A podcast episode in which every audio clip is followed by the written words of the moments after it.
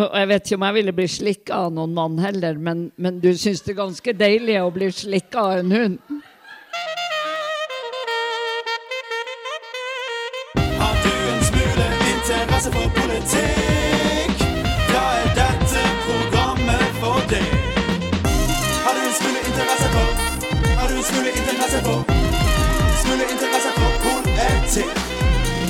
Du hører på Banal politikk. Med de vakre tunesa og visdomsord fra Trude Dreveland vil jeg ønske hjertelig velkommen til Banalpolitikk. Vi har allerede stavra oss gjennom åtte episoder og skal nå ta fatt på vår niende. Hver uke sitter vi i studio og harselerer med de menneskene som vier sin karriere til å i hvert fall prøve å gjøre samfunnet bedre. De driter seg ut, og vi har plutselig innhold til ei ny sending. Vi i Banal politikk består av meg, Ann-Kristin, og Markus. Hei, Markus. Hallo, eh, Ann-Kristin.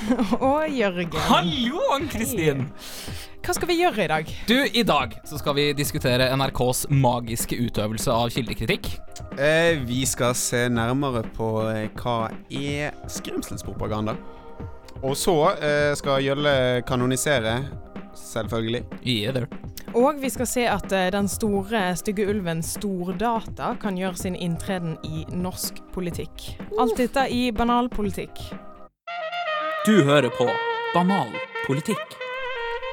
NRK sendte på lørdag en reportasje om det de mener er et økende gjengproblem på Oslos østkant. VG spør seg om et par anonyme hasjrøykere er mer troverdig enn forskningsrapporter når Norge drar ut på reportasjetur. Hva er det NRK driver med? Har vi et voksende østkantproblem? Ja, altså, for de som så eh, eh, Lørdagsrevyen, så fremstilte jo godeste Anders Magnus Jævlig kleint navn for øvrig. Du kan ikke ha to fornavn som navn. Altså, skjerp deg, da. Ja, Du det er ikke kongen. Du er ikke kongen, er du Det er? Enormt eh, pretensiøst navn. Men altså, eh, han fremstilte, eh, fremstilte jo i hvert fall altså, Tøyensenteret som fucking Downtown Mogadishu. altså, det er jo eh, Altså, du, så jo altså, at det er svenske tilstander i, Ja. på Oslo øst, og han sa at eh, Eller det kom fram i den eh, artikkelen som fulgte med, at hva var det en fjerdedel av alle ungdommer på Oslo øst eh, selger hasj. Ja. En fjerdedel! Det, det er helt absurde tall. Og at det skal du si liksom på i beste fucking sendetid, når flere millioner mennesker sitter og ser på, og så skal, skal de tro at det er sånn det funker. Altså, det å, å si det, ja. det blir som å si at, at, at alle, hver fjerde mann som har skjegg, han har eh, mikrobryggere. Det, det blir liksom Det som så, det som er så gøy med det, denne her statistikken, er at eh, det er ifølge eh, Altså Kari på, på Ja, østkanten. ja, eller ifølge kriminelle kilder. Ja, de kriminelle kilder. Abdul, Abdul tror at det til og med kan være flere. Ja. Ja, men Det er kjempegøy. Jeg, som en som er født og Ikke født, men oppvokst store deler av livet sitt på Oslos beste vestkant, så kan jo jeg, som på en måte en slags autoritet En større autoritet enn Kilde NRK har hatt, i hvert fall, si at eh, dette er jo feil. Hasj røykes eh, i størst grad i Oslo. På vestkanten. Ja. Og for å sitere Erik og Chris, purken drakk i hit for alt er kjøpt og betalt for. Si! Ja, jo, men de, eh, det skriver de faktisk i den, eh, og sier i eh, Lørdagsrevyen-reportasjen. Det er jo også at de eh, røyker mindre hasj hvis du er liksom utlending. Men det største problemet her, det er jo at de knytter dette til eh, innvandring. Ja. Sant? At eh, de mener at disse gjengene som dannes, og påstår at det oppstår sånne parallellsamfunn og sånn, at det er at, en, år- at årsaken til at det skjer, det er at det er for mye innvandring. Eh, Hva har det å si i disse tider der vi diskuterer innvandring hver dag i media? Hva har det å si at NRK trekker den sterke parallellen? Ja, det er jo litt sånn Altså Man får, kan jo få inntrykk av at de har latt det at Carl I. Hagen har kalt dem ARK de siste 30 årene, gå litt inn på dem. At Ja. de føler at de kanskje er nødt til å selv på tynt faktagrunnlag representere et syn som kanskje ikke nødvendigvis er så jævla PK, bare fordi de er NRK og de skal være for alle. Men de må jo for faen fremdeles være journalister! Ja, altså, ja, ja, ja, du kan, kan, kan faen ikke lyge! Nei, og i hvert fall om noe sånn som er faktisk en, en, en grov, grov gener generalisering av veldig mange mennesker. Og eh, ja, det Jeg tror jeg kjente at liksom OK, jeg ble litt skremt, fordi at dette forventet ikke jeg av liksom NRK. Jeg ser på det som noe eget og noe veldig troverdig. Ja, altså, jeg og vår kjære produsent Truls, hei Truls, eh, klikket oss i går inn på en oversikt over alle voldsepisodene i Oslo siden januar 2016, og vi, vi talte til sammen fire i de områdene der NRK har vært og har vært sånn Å, herregud, her er det gjeng, her slåss de hele jævla tiden. Majoriteten, altså virkelig 90% av alle slåsskampene, var i sentrum, og vi satt og kunne peke oss frem til Ah, det er det utestedet, det er det utestedet. Altså fylliker som har slått en ølflaske i hodet på en kar i halv fire på natta til søndag. Skal du komme her og si at pga. fire slåsskamper på Ammerud de siste to årene, så er det gjengtilstander og svenske Malmö-tilstand? Ja, for det òg har jo de trukket inn her. Sverige. Eller kanskje mer eh, bestemt storbyer i Sverige. Ja, eller sånne førorter. Sånne eh, drabantbyer, egentlig. Hovedsakelig Ja, ja. Malmö. Og, og der er det jo veldig alvorlige tilstander. Altså, der har man jo det man kaller for parallellsamfunn. Altså, hele samfunn som ikke forholder seg til loven, men bare har liksom en slags indre justis som driver dem. Sant? At måtte, kriminelle bander som eh, har liksom et veldig sånn stort voldsmonopol, da, at eh, de styrer hvordan folk skal kle seg, eller hvordan de skal tjene pengene sine. du er ikke redd for purken, du er redd for dem. Og det, altså, jeg har vært på Ammerud. Eh, jeg har ikke vært der ofte, jeg har vært innom. Det er ikke, det er ikke et autonom Det er ikke en autonom bydel der han som bestemmer heter Iqbal og sitter i fjerde etasje. Eh, det er fortsatt purken som er sjef på Ammerud. Ja, det tror jeg absolutt. Og, eh, men av den statistikken som de legger fram, så det er den statistikken egentlig sier, men som de liksom overser totalt, det er jo det at ja, det er størst frafall i videregående skole blant liksom eh, innvandrerungdom, helst eh, gutter. Sant? Og da bør jo vinklingen på saken være helt, helt motsatt. At det liksom Ja, vi må ha inn sosiale tiltak, og ja, det er mye som må gjøres, men du må jo ikke svartmale og generalisere og kalle de for forbanna forbrytere og gjenger. Det er folk som ikke har så mye å gå til, som kjeder seg litt. Ja, de Og- kjeder seg litt. Og det må man jo Altså Det må man takle på en annen måte enn å lage sånne forbanna skremselspropaganda i beste sendetid. Ja. Du kan ikke si 'vi skal ikke ta imot flyktninger fra Syria', for da kan det være at kidsa deres en gang når de er 15 går ut med kniv på Oslo øst. Det er for billig. Det syns jeg NRK skal holde seg for gode til.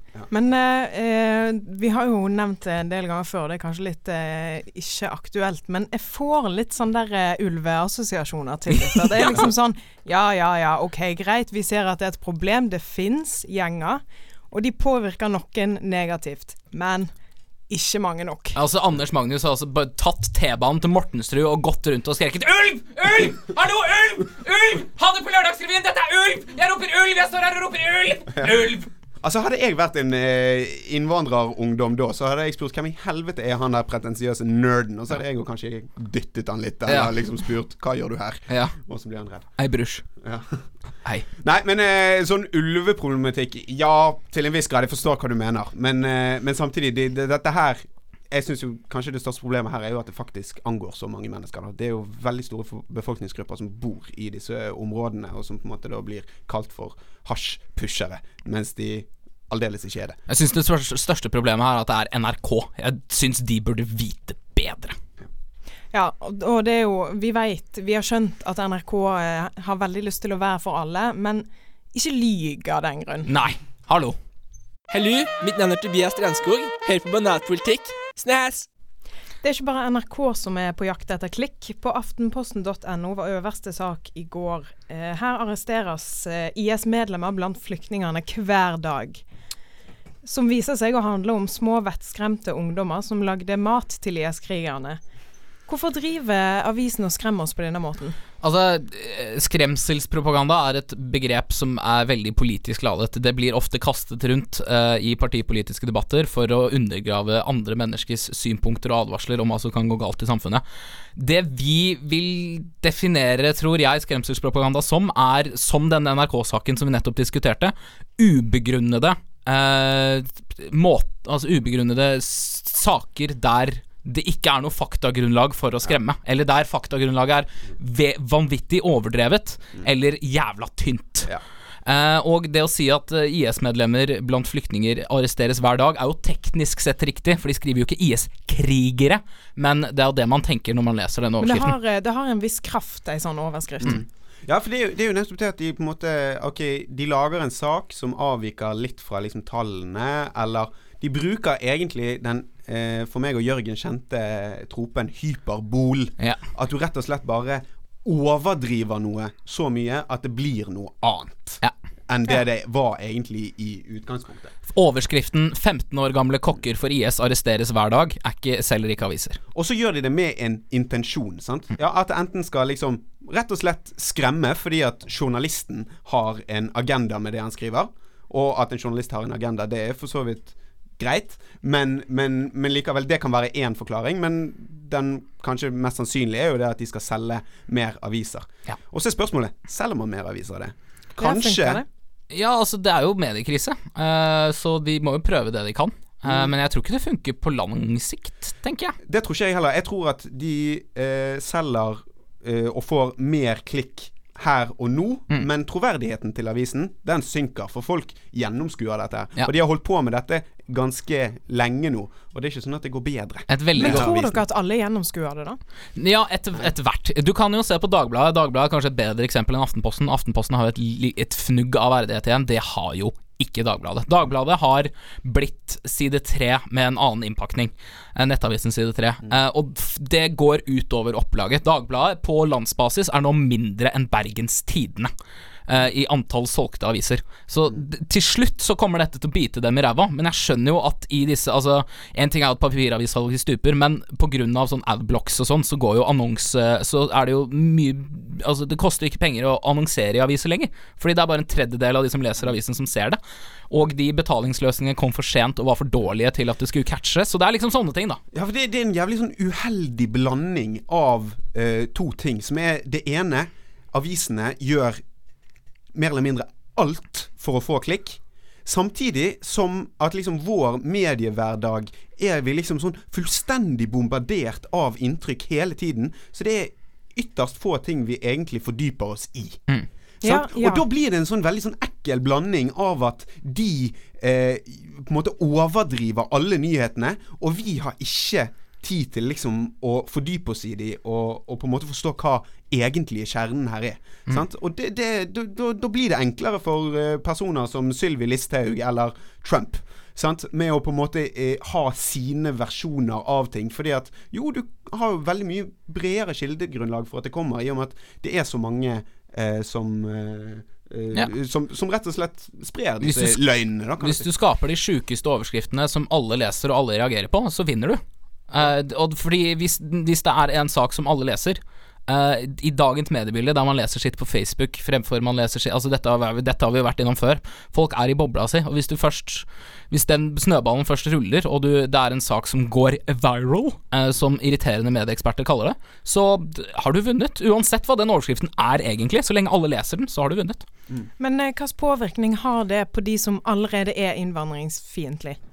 Ja, eksempel innvandringsspørsmålet. Nå har vi et eksempel fra NRK her, som der jeg tipper at eksempel hun nazifrisøren sitter og tenker Ja, ja, ja, nemlig! Det var det jeg visste, ja. Herregud, fy faen så krise Ja, og så, og så tar hun med seg den overskriften på kafeen når Ja. hun skal møte venninnene sine, og så sitter de og snakker Ja, altså, jeg, jeg så en uh, Aftenposten-artikkel i dag, og der var overskrifta sånn og sånn. Ja, for, for de, de som For eksempel hun nazifrisøren, hvis vi skal kalle henne for det. Det Ja, det synes jeg vi skal gjøre. Så, eh, hun får jo bekreftet sitt, eh, sitt eh, verdensbilde, sant. Ja, ja. Eh, og så skal det jo sies at altså, OK, vi kaller dette for eh, skremselspropaganda.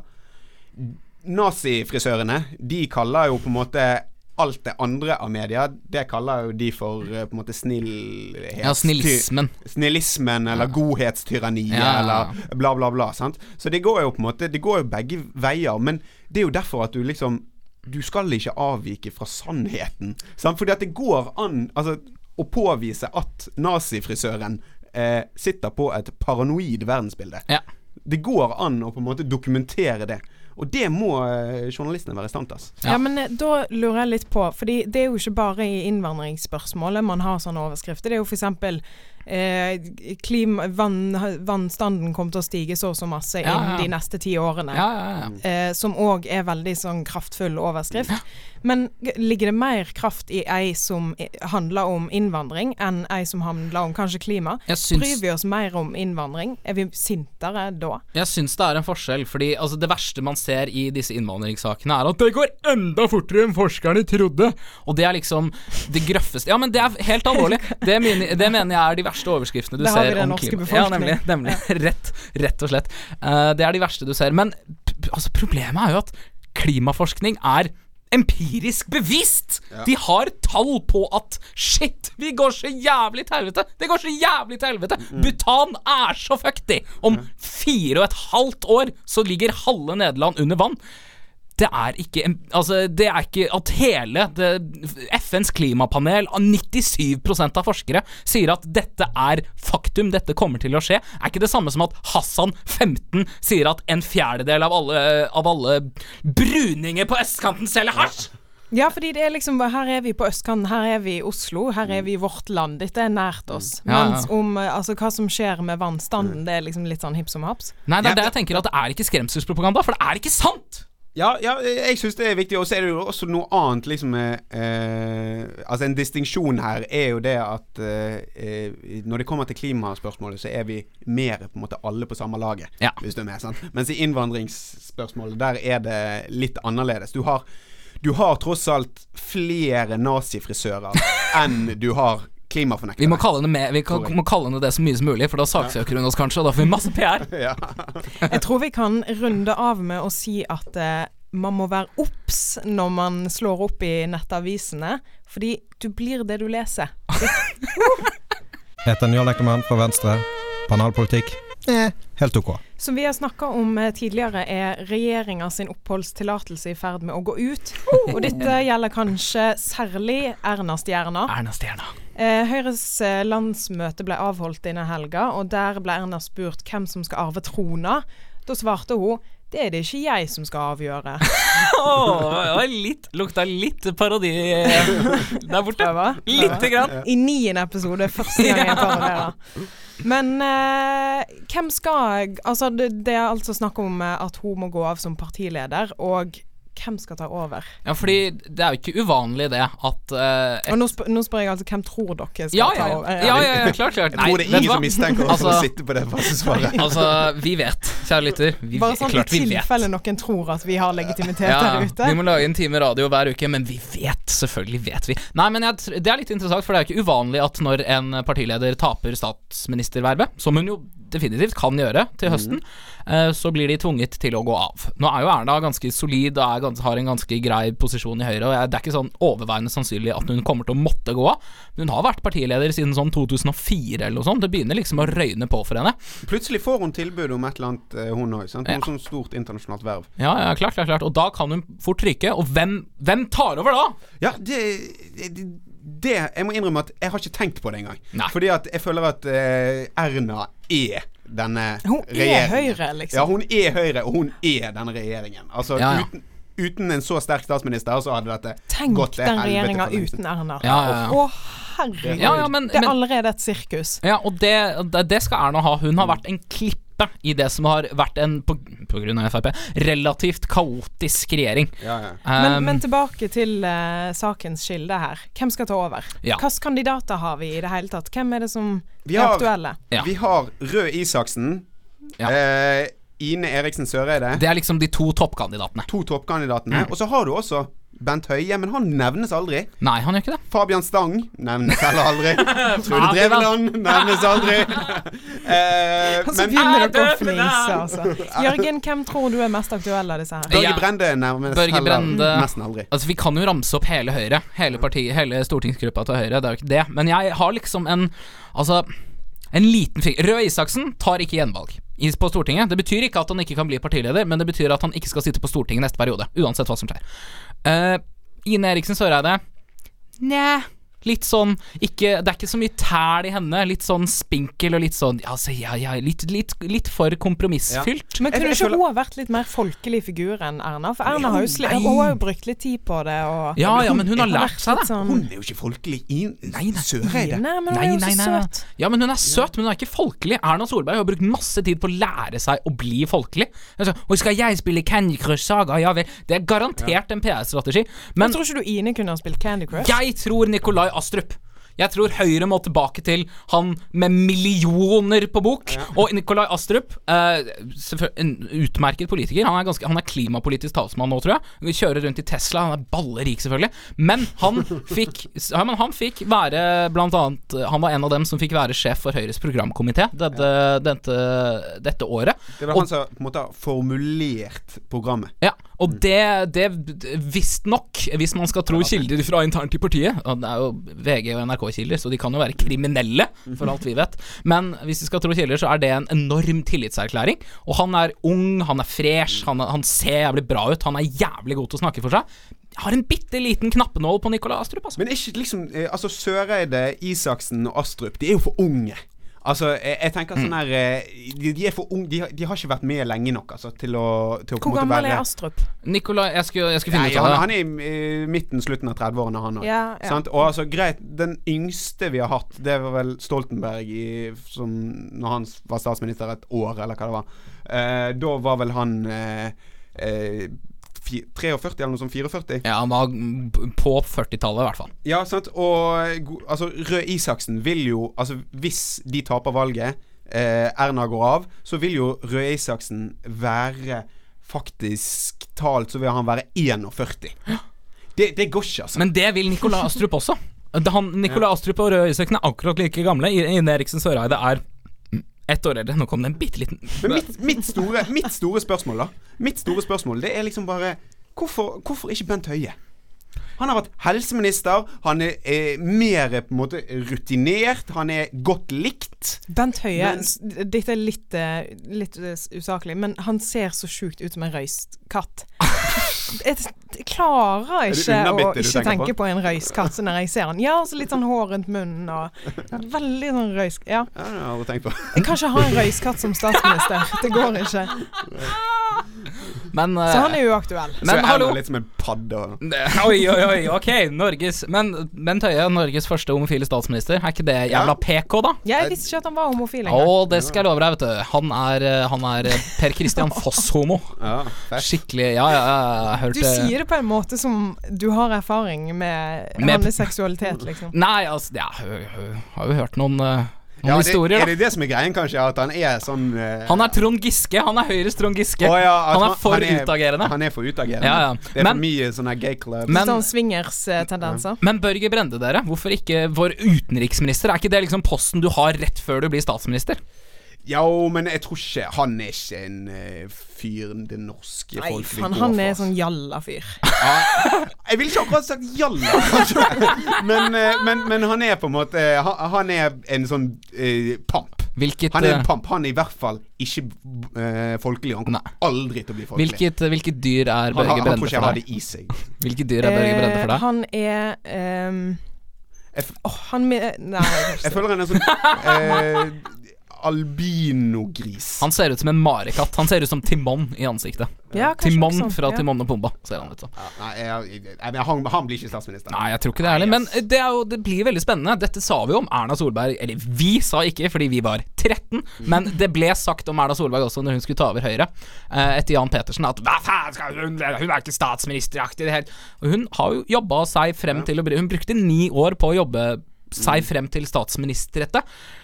Vi Si at Nå tror ikke jeg at Høyre må vente ni år med å få tilbake regjeringsmakten, men si at hvis Røe Isaksen f.eks. blir partileder, og det går nye ni år, så er han jo oppunder 50. Ja, ja, Er ikke det innafor, da? Jo da, jeg tror på, sikt så er nok liksom Røe Isaksen På lik linje som Hadia Tajik, Ja. så er jo han på en måte arvtakeren i Høyre. Det ligger litt i kortene, det skjønner vi. Ja. Men, men om fire år, eh, det, det tror ikke jeg kommer til å gå så veldig bra. Eh, kanskje du kan få en liten sånn her, eh, et lite sånn avbrekk med Fabian Stang. Ja, en liten Det, det hadde vært kult, for han, han hadde passet i rollen, på en måte, og ja. likt seg, tror jeg. Men jeg vet ikke om han er på en måte har nok politisk slagkraft. Altså, han F- Fabian Stang jeg vet, Og nå må jeg gi dere litt lem- hjemmelekse, kjære lytter. Vi snakket om at de selger hasj på østkanten eh, før. Fabian Stang, når han skal gå og kjøpe hasj for første gang, eh, for å finne ut hvor enkelt det er, er et av de morsomste klippene av en politiker noensinne. finnes Eh, det? Den fins. Det er bare å søke den opp, og det er så gøy. For da, det morsomste med det er at han halvveis i klippet, når han kjøper hasj på en annen måte, tenker at faen, jeg må jo finne ut hvor han får dette fra. Jeg må jo finne, jeg må stoppe denne kriminelle organisasjonen. Begynner å stille masse sånne spørsmål. Yeah, where did you get this from? It's from Morocco. Yeah, it's from Morocco, yes. Og så feiger han ut, og så bare stikker han. Nei, men Fabian. Vi backer Fabian Stang til statsminister i, 20, i 2021, eller? Ja. Veldig med på det. Ja. Digger Fabian. Fabian, Fabian, Fabian. Helt på tampen, Fabian. Fabiansdag. Hva er egentlig å være norsk?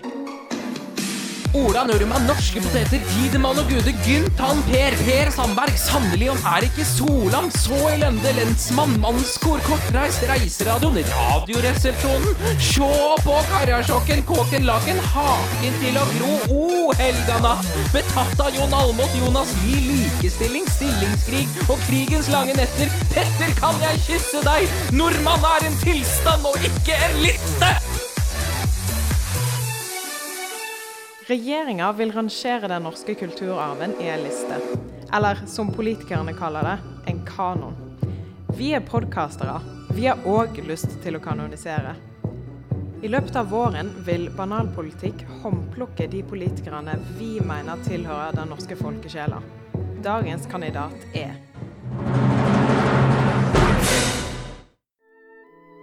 Året er 1979. I lille Norge er det kommunevalg, og et av de minste partiene som akkurat er store nok til å stille i NRKs TV-debatt, er purunge Fremskrittspartiet. Reiulf Steen fra Arbeiderpartiet og Erling Norevik fra Høyre sitter med nesa trygt plantet i de forhåndsskrevne lappene sine, mens de lister opp punkt for punkt for programlederne. TV-Norge hadde øynene plantet på bakhodene til den politiske eliten. Men så som lyn fra brun himmel tittet noen tilbake. Mannen som kikket inn i de tusen hjem, snakket fritt om skattelette, avbyråkratisering og individuell frihet. Plutselig var Carl Ivar Hagen fra Røa gjest i alle norske hjem. Plutselig forandret alt seg. Det er ikke mange som kan skilte med følgende meritter. Stortingsrepresentant i 28 år i strekk. Parlamentarisk leder i et politisk parti like lenge, og drøssevis av verv i Oslo bystyre. Jeg vet hva mange av dere tenker nå, eh, men la meg komme dere i forkjøpet med å si at personen som har hatt mest å si for hvordan norsk politikk drives i 2017, er Carl I. Hagen. Om man er enig i politikken hans eller ikke, er det vanskelig å bestride at etter at Hagen så inn i kamera, har politikere måttet forholde seg til velgere på en helt ny måte. Plutselig var det ikke nok å være utdannet og forsikre alle om at du visste hva du snakket om. Du måtte bevise det. I tillegg har ingen vært så villige til å ta tak i saker andre unngikk, som Hagen. Et godt eksempel er innvandringsdebatten. Igjen, du kan være uenig i synspunktene hans, men Hagen tvang Norge til å ta debatten. De både jeg, og sikkert du også, mener har rett i innvandringsspørsmålet, måtte bevise det gjennom argumentasjon og empiri. Den debatten hadde ikke Sverige. Og selv om Trump overdriver kraftig, er autonome bydeler og parallellsamfunn noe som strider med enhver oppfatning av hvordan et multikulturelt samfunn burde se ut. Carl kunne gjøre dette fordi Carl skjønte før alle andre at det ikke var programlederne eller de politiske kommentatorene som avgjorde valg. Det var folk. Som en som anser ordet folkelig nærmest som et skjellsord, er det tungt å innrømme, men det er like fullt helt sant. Carl har heller ikke forlatt norsk politikk til fordel for penger og prestisje i store internasjonale organisasjoner. Han pusler av gårde i bystyret og drar på sydenferie når det passer han. Folkelig. Han nyter ikke en Håkon Lie-aktig tilværelse på FrPs landsmøter. Den kanskje krasseste kritikeren av det nye Frp har vært nettopp Carl. Folkelig. Han later ikke som, han har ikke skjulte motiver. Han mener det han mener, og det skal andre få høre. uansett. Det å nekte Carl I. Hagen innpass i en kanonisering av de største og viktigste norske politikerne gjennom tidene, er feil. Han er grunnen til at vi må tenke oss ekstra godt om før vi blankt tror på det vi hører. Han er grunnen til at Kristin Halvorsen må ta på folk for å nå frem til dem. For guds skyld, han er grunnen til at politikere i det hele tatt må være en man kunne tatt en pils med. Det er godt mulig at mine medsammensvorne i studio nekter ham innpass i vår politikerkanon. Ikke er han særlig ryddig av seg, og de eneste som har byste av ham, er Røa Velforening og Sylvi Listhaug. Men dette handler ikke om radiopampene. Vet du hva? Ha hallo, herr tekniker! Herr tek ta og Skru ned den jamringen. Ja, takk for det. Nå snakker jeg direkte til deg, kjære lytter. Jeg ser rett inn i mikrofonen. Ikke la noen jålete radiopamper fortelle deg hvem som fortjener en plass i evigheten. Ikke la den venstrevridde pressen vinne denne gangen også. Skriv inn til Banalpolitikk på radio sin Facebook-side og krev Hagens innpass. Grip denne dagen opp og frem med Carl I. Hagen.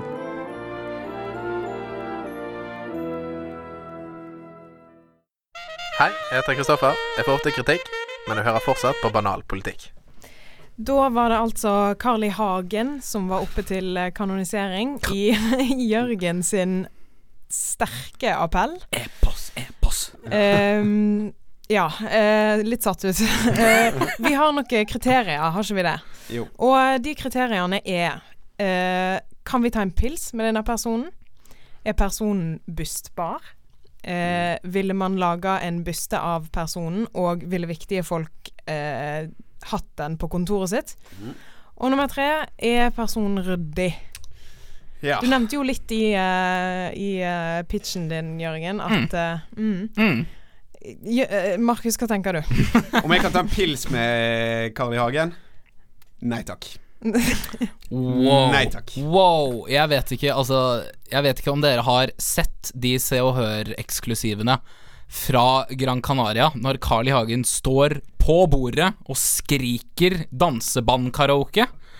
Hvis dere ikke har lyst til å engang prøve å dra på fylla med Carl I. Hagen, så kjenner ikke jeg dere godt nok. Det tror jeg hadde det vært Det, ser- Det tror jeg hadde vært det bordet på Gran Canaria? morsomste. Det hadde vært så jævlig fett å rølpe med Carl I. Hagen i 16 timer i Nei, strekk. men Jeg Nei, orker ikke en fyr som på en måte bare spyr ut eder og galle på eh, første eh, pilsen, og så blir han høvle dritings etter hvert og begynner å danse danseband og synge og skråle og skrike.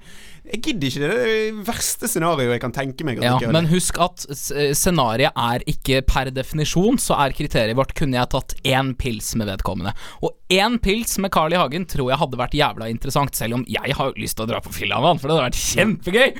Men én pils med Carl I. Hagen, da tror jeg du hadde lært jævlig mye om ikke bare populismen generelt, men lært, lært jævlig mye om hva grunnmuren i det norske samfunnet, det som han på en eller annen merkelig måte har fått Ja. tak i de siste 30 årene, hva de faktisk mener om ting. Og det tror jeg du hadde kommet styrket ut av.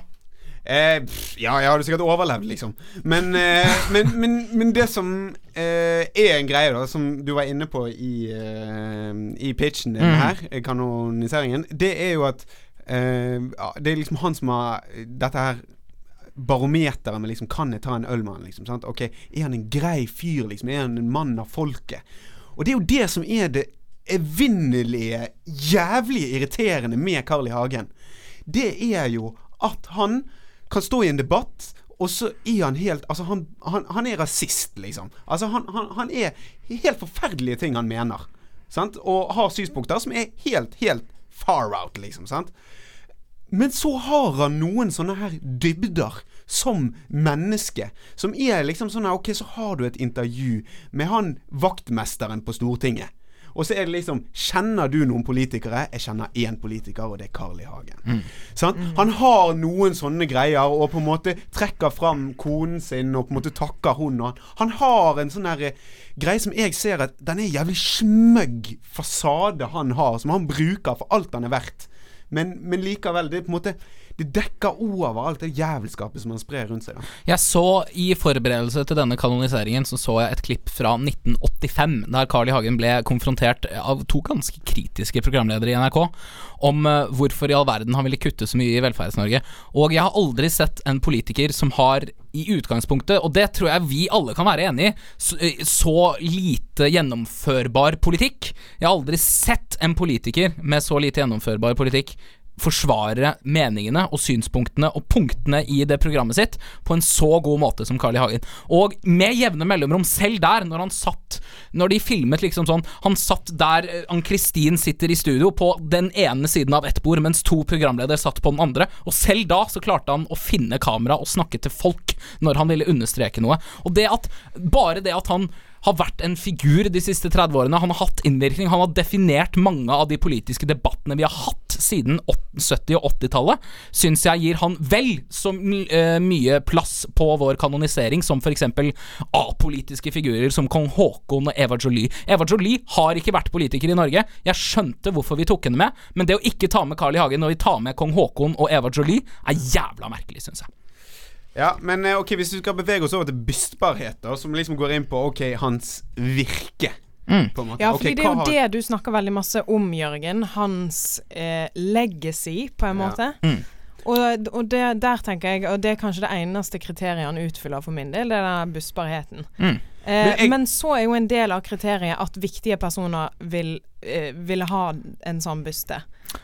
Det er, vet jeg, bysta han i vandrehallen på Stortinget. Jeg vet også at Sylvi Listhaug eh, har en byste av han eh, på Ikke sitt kontor der hun er, jobber nå, men når hun jobber som eh, nestleder for Fremskrittspartiet, så Men har hun Karl Johan. Listhaug en viktig person? Er ikke en norsk minister, uansett hvilken valør, viktig? Jo da, absolutt. Han har vært en del av liksom eh, norsk politikk i årtier. Det er åpenbart. Men for meg, da Altså som Hvis vi skal snakke om Carl I. Hagen, så må vi jo se på Har han gjort noe bra?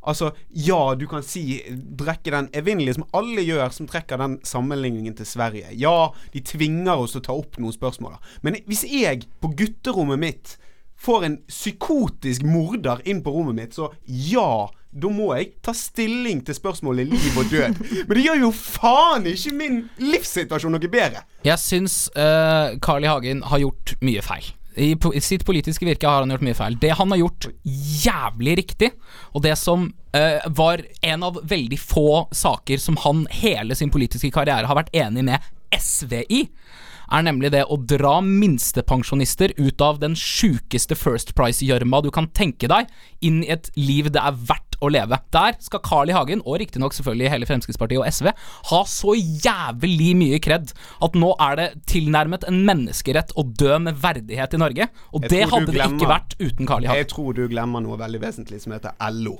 Hæ? Som heter LO. Ja, det er klart det, men det å øke minstepensjonssatsen har ikke LO hatt utelukkende konsensus over. Nei. Carl Ivar Hagens arbeid som regjering, han har bare klaget og laget kvalm og skapt rasisme. Ferdig arbeid. Ja, for det er litt sånn Det er litt det inntrykket jeg òg har. At han har liksom Ja, jeg er enig i de positive tingene du sier om han, men så tenker jeg at det er ikke Altså det er ikke på hva som helst premisser at vi skal hylle han, da. På en måte. Ja, han har de gode tingene, men han har så masse grums. Denne spalten og denne måten å hylle politikere på er tuftet på eh, kulturkanonen som ble, lang, eh, som ble foreslått av Høyre i foregående år. Den ville antageligvis inneholdt en hyllest til eh, Bjørnstjerne Bjørnson. Selv om han er kanskje den dårligste forfatteren og den som minst fortjener å være blant de fire store, og bare rent nasjonalistisk tull, så ville han fortsatt vært på den lista, for han har hatt en påvirkning på norsk kultur. Carl I. Hagen har påvirket norsk politikk, enten vi liker det eller ikke. I så stor grad mener jeg at han burde få være med på vår eh, kano. Men, eh, og det som kanskje er felles med meg og Markus, at vi syns ikke han er helt ryddig. Ja. Og det, eh, der oppstår jo et par problemer. Han tror jo ikke på eh, klimakrise, at det er menneskeskapt. Ja, altså, han, kan- han kaller Mohammed for en kvinnemishandler og en voldtektsmann. Altså, Ja, altså, herregud. Se på altså, Frp sin integreringspolitikk nå. Altså, eh, de er for snill for Carl I. Hagen. Altså, Carl I. Hagen er way utenfor de greiene der. Altså, han er på Trump-nivå. Altså, han, han, han er stolt av at han har likhetstrekk med Trump. Ja, men ikke på de måtene vi tenker Ikke så ekstremt uh, som vi tenker på, kanskje. Men han har uttalt det. Men det er jo det er nettopp dette Carl I. Hagen gjør. Og det, det skal vi jo Altså, jeg syns i hvert fall det skal være med i beregningen. At han kommer med ekstreme synspunkter, og får dermed defini definisjonsmakt på diskusjonen, og kan diskutere på sine egne premisser. Og dette er jo en jævla kynisk og drittsekk måte å gjøre det på, men vi kan ikke sitte her når Frp har tilnærmet 20% på meningsmålingene og si at det ikke funker. Men det er jo Vi må ha en- det er jo Frp uten Carl I. Hagen. Ja, da men- begynte det faktisk å funke litt. Nei, nei, da kom det i regjering. Det er jeg ikke enig i at det begynte å funke. Frp var størst når Carl I. Hagen fortsatt var partileder. Det eneste grunnen til at Frp er så store som de er nå, er Sylvi Listhaug, som er Carl I. Hagen opp av dage. Ja. vi hater jo Listhaug. Åh, Har jeg klarer liksom Ja, vi hater dem, men det at vi hater dem, betyr ikke nødvendigvis at de ikke har vært en essensiell del av Men norsk jo politikk de siste okay. 40 årene. Greit, det. Han, eh, han, han, er en, han er en del av den norske offentligheten, og vi har fått uttrykt vårt misnøye. Men ja, sikkert i en sånn kanon så er det greit nok, men fuck off om jeg gidder å ta en ølmann. Jeg syns at uh, vi skal inkludere han bare fordi at hvis vi ekskluderer han, så kommer han til å kose seg så jævlig gløgg med at han ikke får være med på sånne prestisjelister. Han kommer til å bruke det for alt det er verdt. Jeg tror vi må ta han med. Litt som Per Sandbergskt. Jeg tror vi må ta han med for å få han til å holde kjeft. Ja, er sånn skadereduksjon. Ja, rett og slett damage control. Ellers så får vi så jævla mye brev. Jeg føler vår prestisjefulle kanonliste rett og slett eh, datt et par hakk. Men eh, det er jo litt det å bare erkjenne det som er ubehagelig. Fordi det er nødvendig. Ja, det, det er definitivt en erkjennelse for oss unge venstrevridde mennesker å innrømme at Carl I. Hagen har vært viktig i norsk politikk, men det har han altså. Da får vi bare gi oss der, da. Markus. Det får vi gjøre det, da. Velkommen, Carl! Hallo, mitt navn er Tobias Strandskog. Hører på Banatpolitikk. Snæs! Tidligere snakka vi i fascinasjon og kanskje eh, shit-scared redsel om eh, politisk bruk av stordata. Og hvordan dette har påvirka eh, Trumps valgkamp og brexit i Storbritannia. Stordata er altså kort sagt eh, en måte å påvirke velgerne eh, eller valgene til oss undersåtter ved hjelp av aktiviteten vår på f.eks. Facebook. Og vi konkluderte sånn halvveis med at her i Norge holder ikke vi på med sånn. Nei. Men nå går altså eh, professorer ut og advarer mot at, eh, om at stordata er på vei til Norge. Gutta, dette visste vi egentlig, gjorde ikke vi det? Jo, det gjorde kanskje det. Ja, det vi skal si da, vi må nyansere dette litt. Det er litt forskjell på amerikanske stordata og norske stordata. Ja. Fordi at uh, i eh, Norge så har vi Datatilsynet, uh, som har en personlighet Nei, hva er det heter? Eh, Personvern... personvernsloven, Ja, men, som tilsier at eh, eh, Altså eh, sånn individuell eh, informasjon, det kan du liksom ikke selge uten at du faktisk får noe spenn for det, eller du har samtykket, da. Men så har vi eh, problemet her, er at eh, den eh, loven som skal beskytte oss mot dette her, blei vedtatt i 2000. Og det er jo eh, 17 år siden det. Ja. det er en Og da er det jo ingen som forsto potensialet internett kunne komme til å få.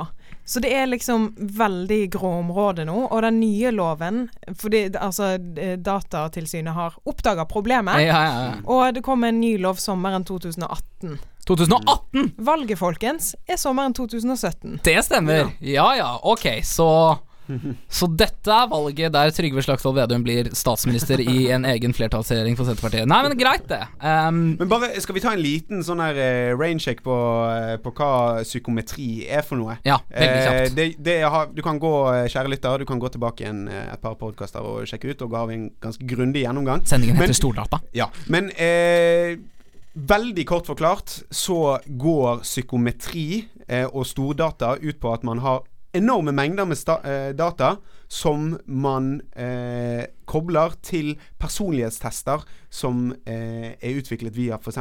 Facebook-aktivitet. Og det gjør at du kan eh, tilpasse eh, forskjellige typer eh, kommunikasjon eller forskjellige typer politisk reklame til personer som er ekstra mottagelige for nettopp den informasjonen.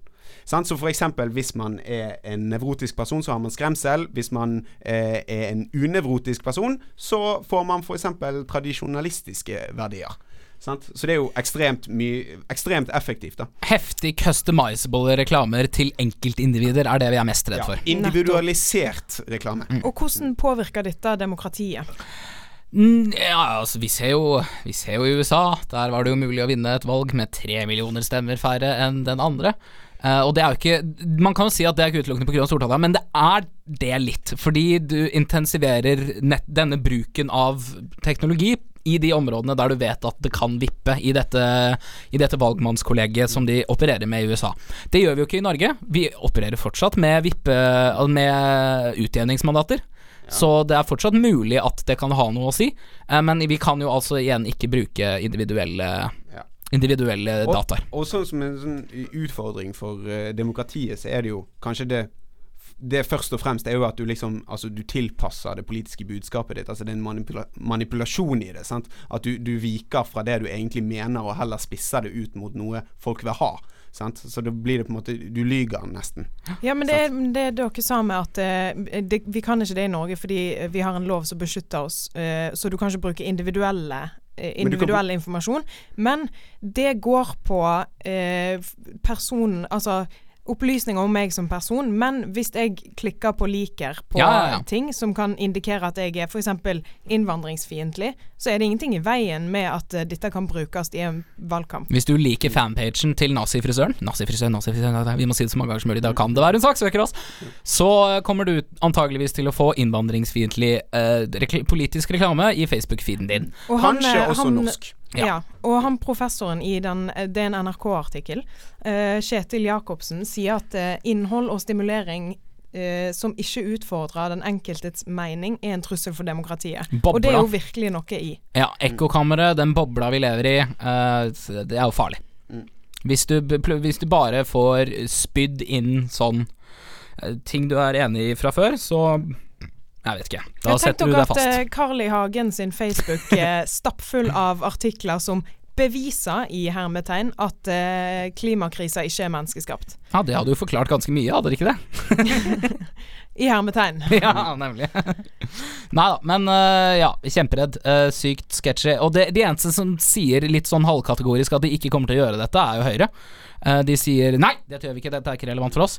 Eh, alle de andre er litt sånn nja, vi bruker svært lite data fra folks digitale bruk. Vår hovedstrategi er i første rekke å snå folk Altså, de snakker jævla politisk om Ja. dette, og det er skummelt. jeg, jeg, jeg, jeg fikk liksom motsatt reaksjon, egentlig. Fordi at jeg synes at uh, Fordi alle i denne artikkelen uh, så er alle de politiske partiene spurt. Sant? Og, og jeg føler at egentlig alle de andre uh, partiene var veldig sånn åpne.